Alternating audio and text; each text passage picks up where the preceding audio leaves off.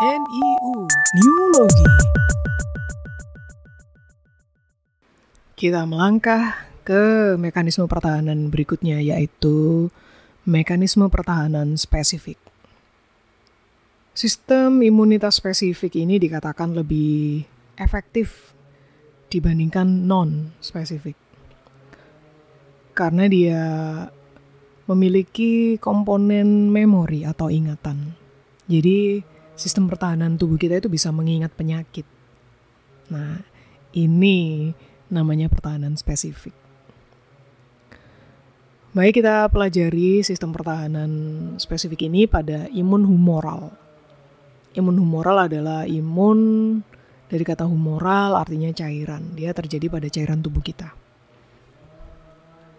Bagaimana langkah-langkah imunitas humoral kita bagaimana ceritanya? Jadi begini. Semisal ada kuman masuk ke dalam tubuh kita. Kuman adalah makhluk hidup yang terdiri dari senyawa-senyawa. Begitu kuman itu menempel pada sel, maka senyawa dari kuman itu akan terdeteksi. Terdeteksi sebagai antigen. Begitu antigen ini terdeteksi oleh tubuh kita, oleh sel kita, maka diresponlah, datanglah yang namanya sel T. Sel T ini fungsinya sebagai penolong pertama. Begitu sel T datang, oh, ada kuman. Namanya kuman TBC. Saat itu juga, maka akan direspon oleh siapa? Oleh sel B. Sel B akan segera membentuk antibodi. Apakah antibodi itu? Antibodi adalah senyawa yang melawan antigen. Jadi kuman datang membawa senyawa kuman,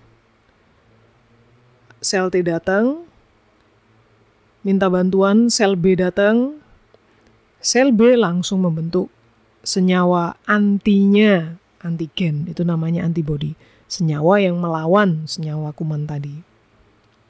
Nah sel B ini akan selalu ingat oh ini adalah kuman TBC maka dia akan langsung menghasilkan anti TBC-nya itulah yang dimaksud bahwa sistem pertahanan spesifik itu mempunyai memori atau ingatan. Dia selalu ingat. Setelah berkenalan dengan kuman penyakit, dia ingat. Dia ingat rumusnya. Harus dikasih ini, dia ingat itu. Neurologi NIU Neurologi Prinsip kerja imun humoral ini kemudian dijadikan metode pencegahan terhadap penyakit yaitu vaksinasi. Ini sudah saya jelaskan kemarin. Jadi ketika saya vaksinasi corona, sebenarnya saya dikasih virus corona yang sudah dilemahkan. Maka sel tubuh kita bertemu dengan virus corona, antigen. Nah, akhirnya sel T saya datang, T helpernya membawa antigen corona itu lalu direspon oleh sel B saya. Sel B akhirnya membentuk antinya anti corona itu, yaitu antibody. Jadi otomatis tubuh saya membentuk anti corona. Jadi siapa sebenarnya yang membentuk anti corona? Tubuh kita sendiri. Tubuh yang sehat, maka dia akan kuat membentuk antinya. Dan selama itu pula, selama seumur hidup itu pula, sel saya akan selalu mengingat, oh ini saya punya rumus untuk melawan corona.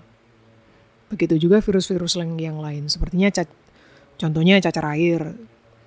Tubuh saya punya sel memori untuk melawan cacar air.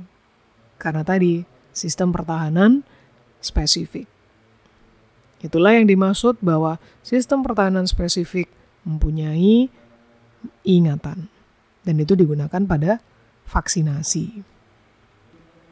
Dan demikianlah sedikit tentang sistem imun.